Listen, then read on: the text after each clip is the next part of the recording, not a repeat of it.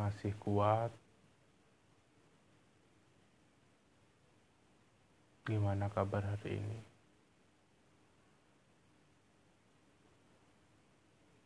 Capek? Lelah?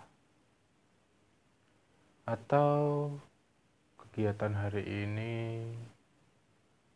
membuatmu menarik? Apa pun itu,